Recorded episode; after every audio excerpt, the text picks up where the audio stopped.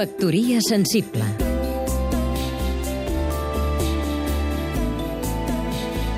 Oleguer Sarsenedes, periodista Tres míssils Scud van caure divendres 22 de febrer damunt la ciutat d'Alep, a Síria, al barri d'Art al-Hamra. Hi van haver morts, molts, i també molts ferits. Això passava a Alep, Halab, en àrab, la ciutat més poblada de Síria, dos milions llargs, la que va ser durant segles la tercera capital de l'imperi otomà després d'Istanbul i el Caire. Alep és una de les més antigues ciutats del món ininterrompudament habitades, des del tercer mil·lenni abans de la nostra era, que ja és dir.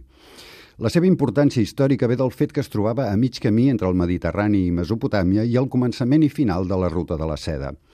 Alep ha estat sempre, a més d'industrial i comercial, una ciutat cosmopolita, una cruïlla de cultures, un entorn de creativitat, d'art i de ciència. Ha estat sempre un pol d'atracció per a ments inquietes i despertes. Diuen els qui la coneixen que és una de les ciutats més boniques del món per la manera com reflexa en la seva estructura, en l'arquitectura, en els elements espaials, les diverses cultures que l'han moldejat, raó per la qual l'UNESCO la va declarar fa 30 anys Patrimoni de la Humanitat, però sobretot per la seva gent, per la dinàmica que es produeix a les seves places i carrers i la qualitat de les relacions que s'hi estableixen, per la vida que hi ha a la ciutat.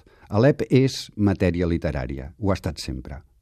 És a aquesta ciutat, a aquesta gent, a totes aquestes capes de cultura que un divendres de febrer els va caure al damunt la destrucció sota forma de tres míssils de fabricació russa disparats per l'exèrcit del règim. Un fet monstruosament absurd però puntual gairebé anecdòtic en el dia a dia de la guerra, que il·lustra una vegada més, per si calia, aquesta gran veritat. La guerra és la negació de la vida, la negació, per tant, de la cultura. Factoria sensible Seguim-nos també a catradio.cat.